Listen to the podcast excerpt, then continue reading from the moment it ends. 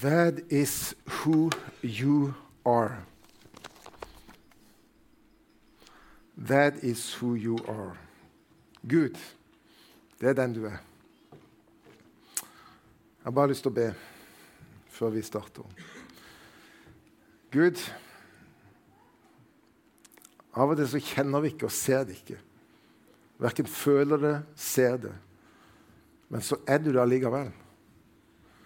Du er den som skaper en vei der vi kanskje ikke ser noen vei. Du er den som gjør mirakler.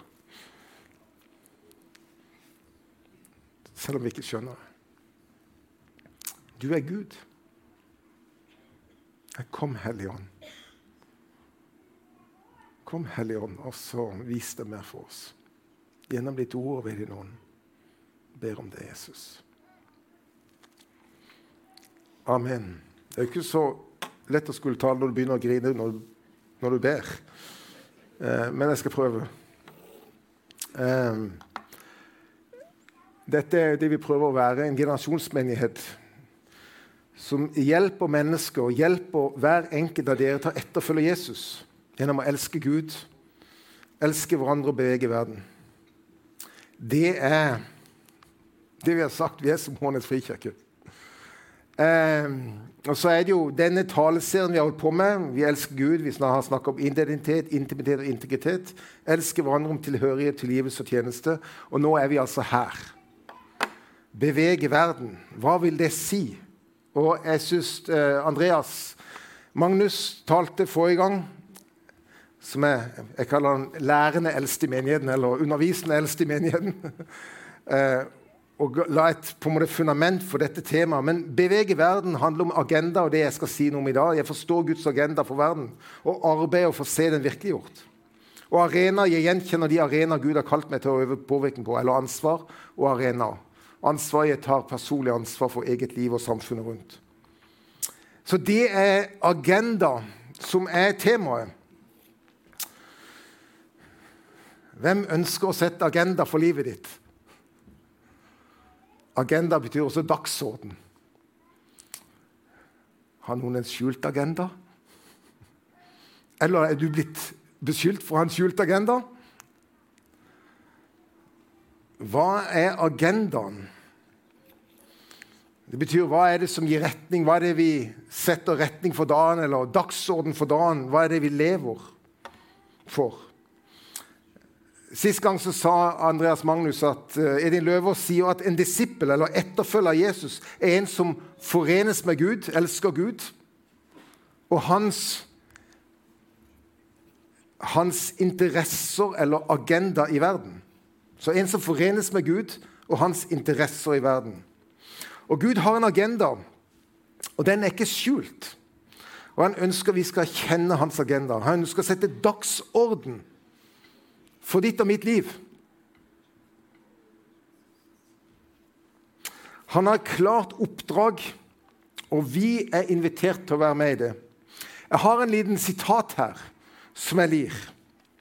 Det er en som heter Christopher Wright, som er noen bøker jeg leser nå. Det er ikke først og fremst slik at Gud har et oppdrag for sin kirke. Det er Gud som har en kirke for sitt oppdrag i verden.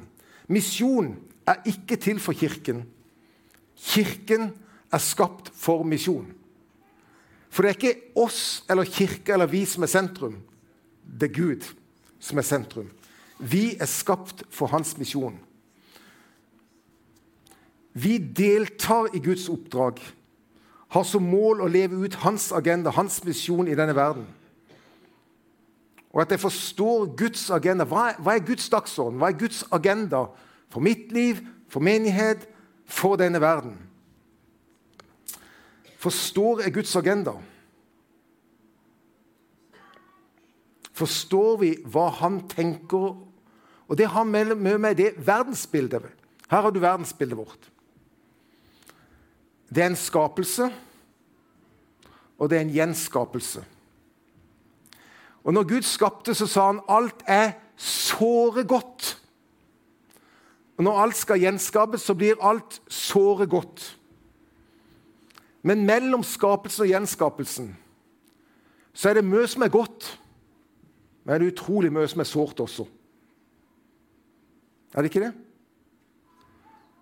Det er mye som er vanskelig. Det er mye som er uforklarlig. Det er mye som vi kjenner på kroppen. Absolutt sånn som ikke det vi opplever, som Gud sa. Alt er såre godt. For det er mye som er godt, men det er mye som er sårt. Som er vanskelig.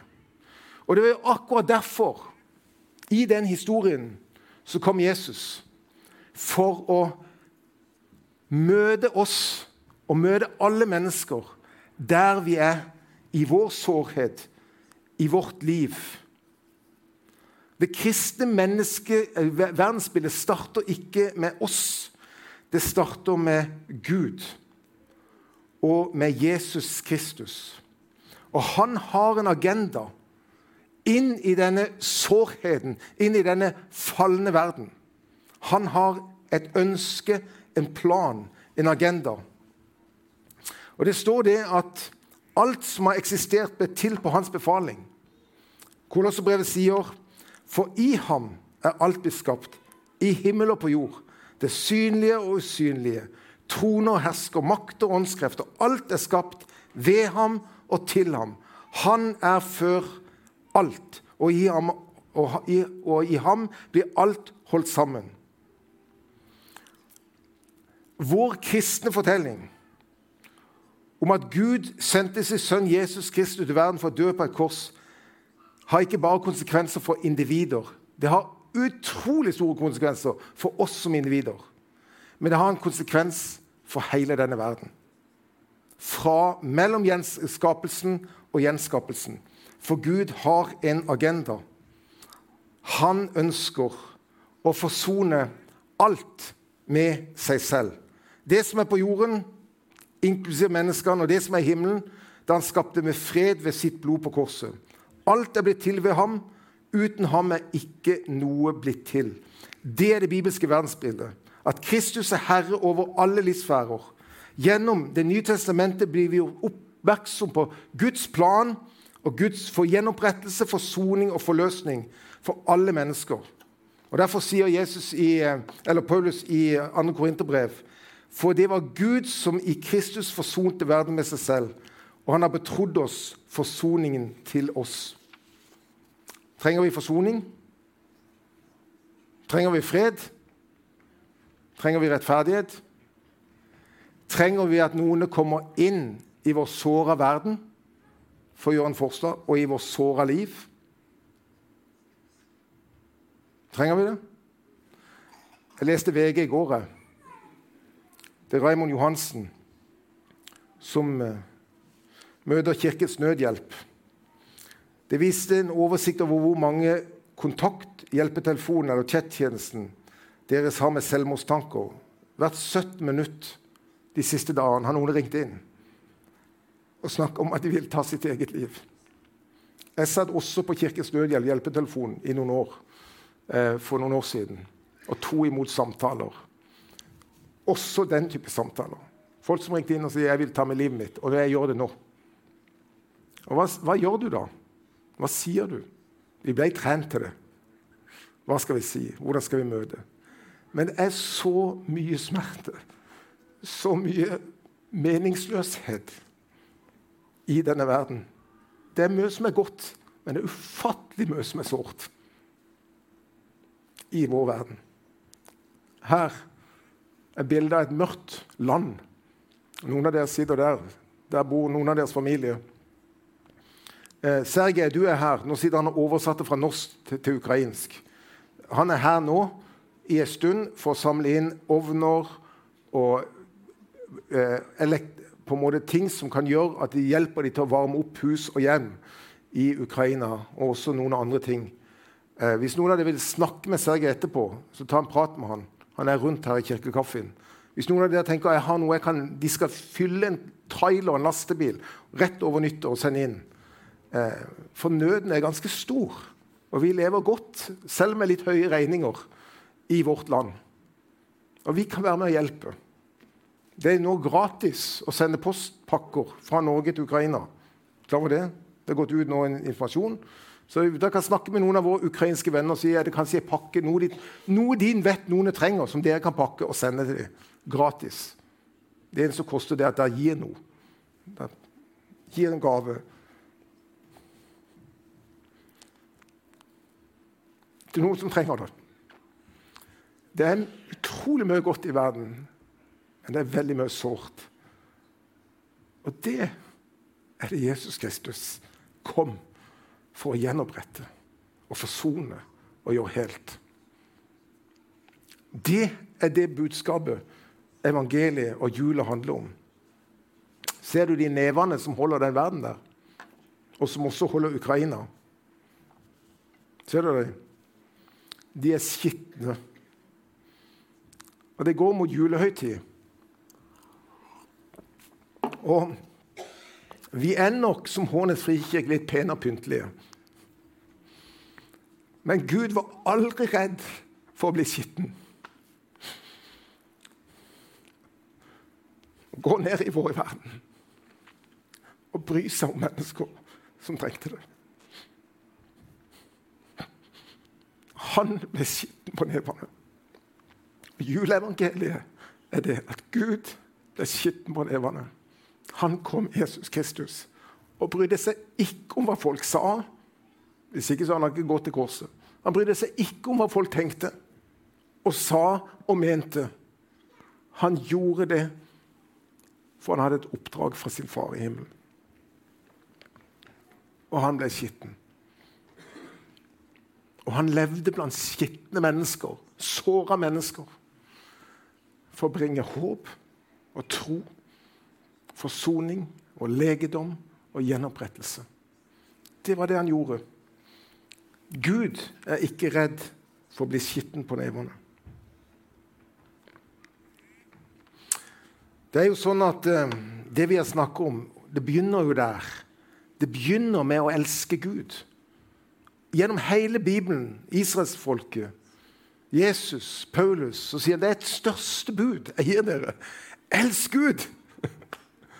Og så har vi snakket om Hva er det å elske Gud? Jo, det er å inviteres inn og ta imot en ny identitet. Vi har en ny identitet. Vi er ikke det gamle lenger. Vi er det nye. Og det å inviteres inn til en intimitet der jeg lever og vandrer med Jesus i hverdagen.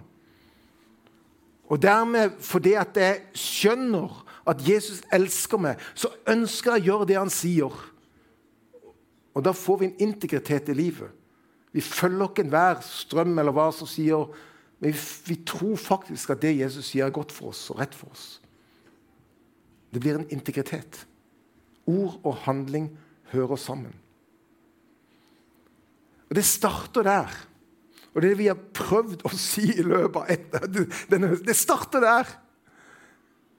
Og derfor, når, når, vi, når, jeg snakker nå på Guds agenda, så skulle vi sagt ja, men Guds agenda for ditt liv er, og ditt liv er, og ditt liv er. Det er i grunnen ikke det det handler om. Det handler om å leve et liv der vi kobler oss på. Og gjennom Hans ord, gjennom Hans ånd og gjennom kroppen få ta del i det Gud har for ditt og mitt liv. Og leve det ut. Og høre for Han og gjøre det Han sier. Og så er det jo det at En del av Guds agenda er å leve i et fellesskap. Og Derfor har vi snakket om dette med tilhørighet. Og det å bli en del av et fellesskap og leve et liv i tilgivelse mot deg selv og andre og i takknemlighet til Gud og mennesker. Og gjennom det gjenkjenne at Gud har et kall. Han har, han har, han har talt meg, han har kall over mitt liv, så jeg kan tjene han og mennesker gjennom det. Og vi kobles på en større hensikt. Og, Paulus sier jo dette. Han oppdager når han på en måte forenes med Gud, så blir han forent med hans interesser i verden. Og han sier at 'jeg lever ikke lenger selv'. Jo, det er jo mitt liv. Ja, det er mitt liv. Men jeg lever ikke lenger selv.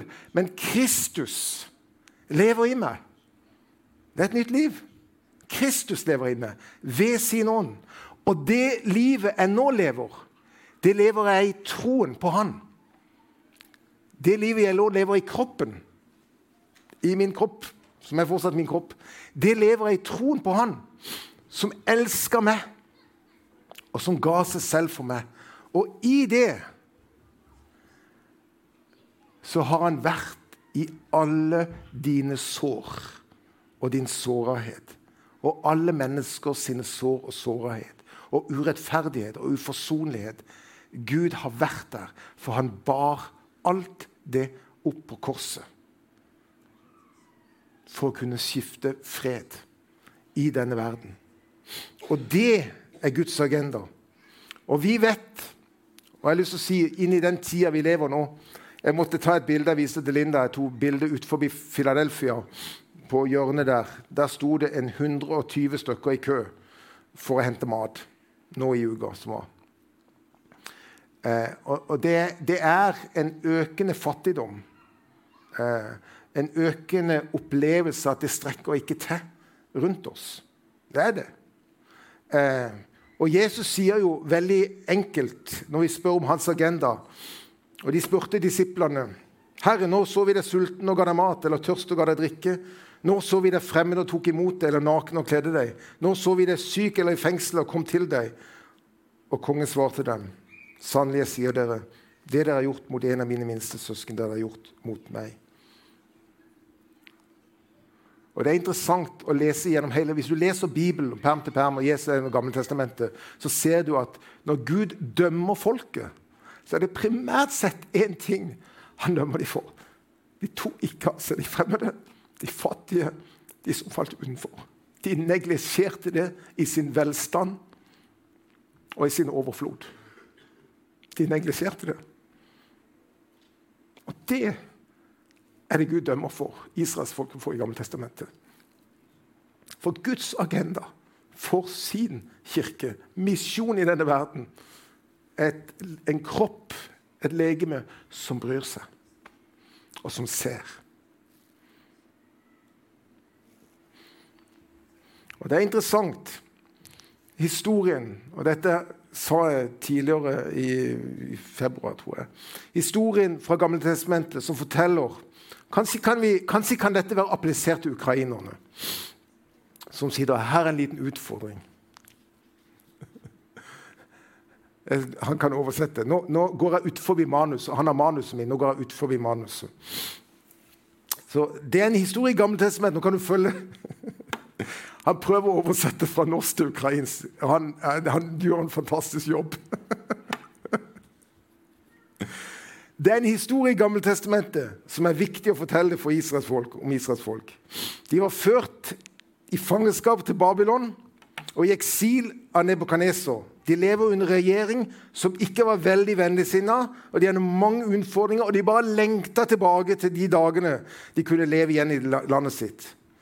Og der skriver Jeremia inn i den situasjonen og sier til israelsfolket.: Bygg dere hus, bo i dem Plant dere hager og spis frukten. Ta dere koner og få sønner og døtre. Ta koner til sønner, gift, dere, gift bort døtrene deres, så de får sønner og døtre. Dere skal bli flere og ikke færre. Dere skal fremme fred for den byen som den har ført dere til i eksil. Og be til Herren for den, for når den har fred, har også dere fred.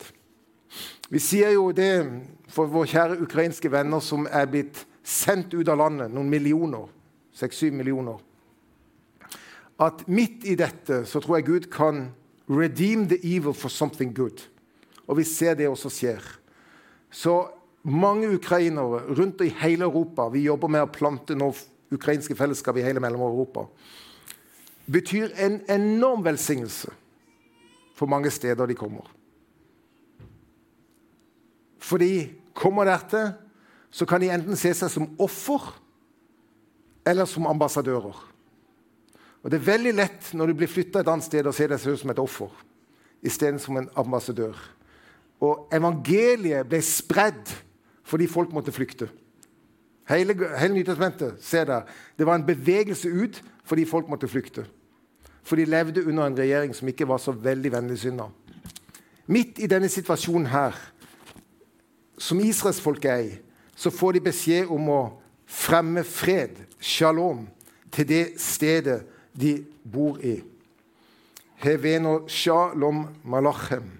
Det er Guds fred jeg vil gi deg. Sang de der til folket. Guds fred. Og hva er det dette Guds fred betyr? Jo, det er shalom. Det er at Guds fred handler om helhet, Helse, velvære, sikkerhet, sunnhet, ro, velstand, fylde, hvile, harmoni. Det er det som ligger i shalom-begrepet. Det er et sted for kjærlighet til livets rettferdighet, trygghet, velvære, velsignelse og frelse for mennesker. Og Han fortsetter å si, 'Jeg vet hvilke tanker jeg har med dere til israelsfolket.' Ikke tanker til ulykke, men fredstanker. Og jeg vil gi dere framtid og håp. Jeg har fredstanker, shalom. Jeg er satt til å jobbe sammen med Gud i denne verden for å bringe hans fred på arbeidsplassen, i nabolaget, i din familie og blant dine venner. Så har Gud satt det med en hensikt. Og du kan bli med i den og bringe det til mennesker. Guds fred, shalom, inn der du og meg er. En annen måte å si det på er jo dette som Matteus skriver, at vi er lys og salt. Salt og lys.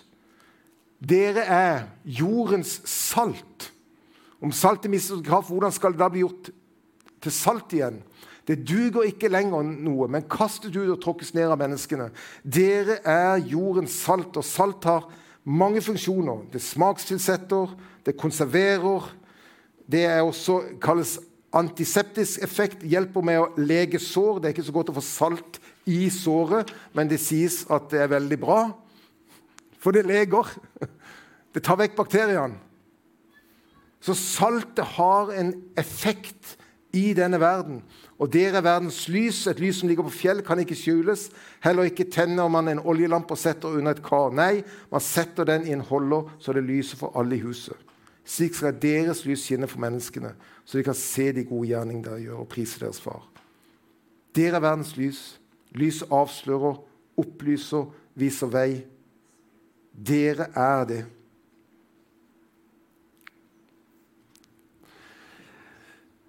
Dette er Guds store agenda. Hva betyr det? Ja, Det er der Gud inviterer oss inn til å si Gud, hva har du for meg da? Jeg lever ikke lenger for meg sjøl, jeg lever for deg. Hva betyr det for meg i dag? Vi har prøvd, og noen av dere kjenner til det, å jobbe med Beveg Kristiansand eller Beveg byen. Å lage et språk som sier noe om hvordan kan vi være med og berøre byen. Og Et av de språkene er jo vi sier fotavtrykkene til Gud i denne verden. Er tro, er håp og er kjærlighet. Eller kjærlighet, tro og håp. Og Vi er jo en troende kirke, og vi må aldri stoppe å bekjenne troen. Og frimodig bekjenne troen. Og I dag handler det mer om å holde fast på troen og holde fast på den lære som vi er overgitt. Veldig mye i dag. Og vi må være en kirke som våger å bekjenne troen. Og bekjenne evangeliet. For det er evangeliet om Jesus Kristus som elsker verden så høyt at han ga seg sjøl, som faktisk er Guds kraft til frelse. Og Det må vi fortsette å gjøre. Vi må bekjenne evangeliet og troen. Men så handler det også om kjærlighet. At Gud setter en agenda for oss om å berøre den sosiale smerte i byen. Smerte, sårhet. Det er mye godt, men det er mye sårt. Og Noen kan ikke ta ansvar for alt, men alle kan ta ansvar for noen. Og mange av dere Nå hørte vi Jeg må bare si jeg jeg her kommer inn av og til på mandag og ser mange av dere som jobber med, med frimat, og ikke bare gir mat, men der ser mennesker. Der berører mennesker. Der, der ser de i øynene. Der er til stede for mennesker. Og vet du, Det er fantastisk. Og så vet jeg at mange av dere rundt forbi har ulike engasjementer der dere gjør noe og berører mennesker med Guds kjærlighet og tar et ansvar for den sosiale smerte som finnes. Noen kan ikke ta ansvar for alt, men alle kan være med og ta ansvar for noe. Og Så er det da spørsmålet hva er det Gud legger på ditt hjerte? De neste kan være en sosialt utsatt familie, et parforhold som sliter, som dere kan fortelle om hvordan Jesus har hjulpet dere i parforholdet. Et barn som er oversett og neglisjert av foreldrene, som dere innlemmes i deres hjem. Det er så mange områder. Hva er det Gud legger på deres hjerte? Det kan være en ensom som du blir en venn til. Eller det kan være flyktning og innvandrer. Og så har vi hatt noe av det som vi åpner våre hjem for, og åpner våre hjerter for, og vår hjelp til. Jeg tror jo at det fort kan komme en god del flere flyktninger eh, når vinteren kommer. Vi lever ikke lenger for oss sjøl, men for Gud. Hva vil du, Gud? Hvor sender du meg? Og det er jo sånn at Hvis ikke vi har fått bearbeida vår egen sårhet, vår egen smerte Og la Gud komme inn der så er det så mye lettere å åpne opp og gi hjelp og berøre andre. Det betyr ikke at vi er de perfekte, men det betyr at vi skal få lov til å være de ekte med våre liv. Men ekte mennesker som har sagt at Jesus har vært der. Jesus har faktisk gjort forskjellen. Det siste er med Bevegelse Sand er jo vi snakker om håp og det å ta samfunnsansvar. Og jeg vet at, uh, at Andreas viste den. Uh, jeg skal nå Ja, jeg skal ta den sånn. Viste en, en plansje sist gang. Men han sa også noe. Han sa det at i den tida vi lever i, så er det ikke sikkert at dette med påvirkning i samfunnet. Av og til så er det ikke et rom for å påvirke så mye. Og Sånn var det. husker dere, hvis jeg hører gjerne på talen hvis jeg ikke, Sånn har det vært opp gjennom hele kirkens historie. Kirka har hatt ulike plasser og ulike muligheter til påvirkning. Og En som heter Alan Crider, han sier dette. Det er først og fremst fordi de kristne Han beskriver de første kristne det er først og fremst fordi de kristne og deres kirke levde et liv i Kristus etterfølgelse at de tiltrakk seg andre. De kristnes fokus var ikke på å nå nye eller påvirke verden rundt. Det handlet om å leve trofast i troen på at når folks liv forandres av evangeliet, vil andre ønske å slutte seg til dem. Det han prøvde å si, Andreas også, det var at i en tid som denne så handler det mer om at hva vi lever ut her, enn hva vi sier der. Og Det er alltid en balansegang. Vi kan godt ønske å påvirke, men vi påvirker primært sett gjennom det livet og forvandlende livet som Jesus har gjort her. I forsamlingen, i fellesskapet, med hverandre. Og det livet er vi kalt til å leve. Samtidig som vi tror, og nå går mot avslutning, at vi skal få lov til å være med å påvirke både tankene, livskvaliteten og produktiviteten i samfunnet gjennom at Gud setter oss på ulike samfunnsarenaer og er med og er en stemme der. I den grad vi har rom til å være en stemme og en tydelig stemme der. For Guds tanke og bringe Guds fred ut der vi er. Men kanskje har vi en tid der påvirkningsmulighetene blir mindre og der kraften i evangeliet til å forandre liv og fellesskap vil være den viktigste faktoren som gjør at nye blir tiltrukket. Kirken er ikke først og fremst et program for mennesker eller først og fremst et program som mennesker, eh, for mennesker å komme til. Det skal være for mennesker å komme til. Så det er ikke først og fremst et program for mennesker å komme til. Det er du og meg, Kirken, er programmet som Gud ønsker å bruke i verden for å bringe hans shalom til alle mennesker gjennom tro, håp og kjærlighet. Vi er forent med Gud og hans interesser i verden. Og så Kanskje tenker du ja, men hva betyr dette for meg? Nå har jeg lyst til å bare være litt stille. Og så tror jeg Den hellige ånd har full kontroll på det. For jeg tror faktisk at Gud er så mye flinkere og mye mer kreativ enn det vi kan være både som leder i menigheten og fortelle hverandre det må du gjøre, det må du gjøre, det må du gjøre. For jeg tror Gud, og det er jo det vi ønsker, kan lede deg. Og vil og holder på å lede deg til mennesker rundt for å bringe hans fred, shalom, og til å forenes med hans interesser i denne verden. Så Gud, vi er her i stillhet.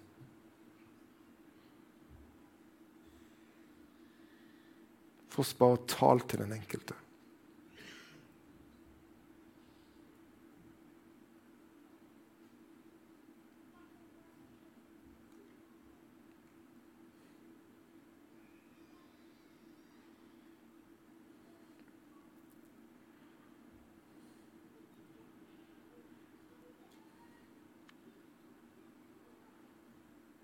Herre, hvis noen kjenner at jeg faktisk lever for meg sjøl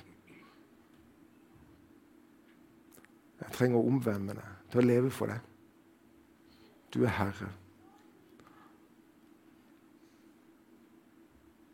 Så berør hjertene, Herre.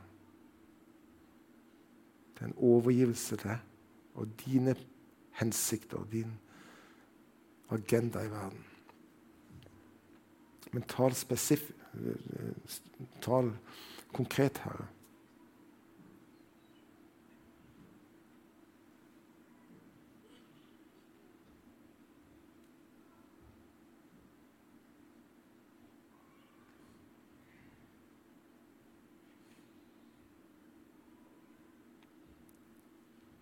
Ja, takk for du en skal gjenskape alt. Og du skal si det såre godt. Men Herre, takk for at du kan komme inn i det som er sårt nå, og faktisk gjøre det godt. For du er Gud. Du ser hver enkelt, Herre. Bare kom inn der den enkelte er, Jesu navn. Og kall de også til denne tjenesten for deg.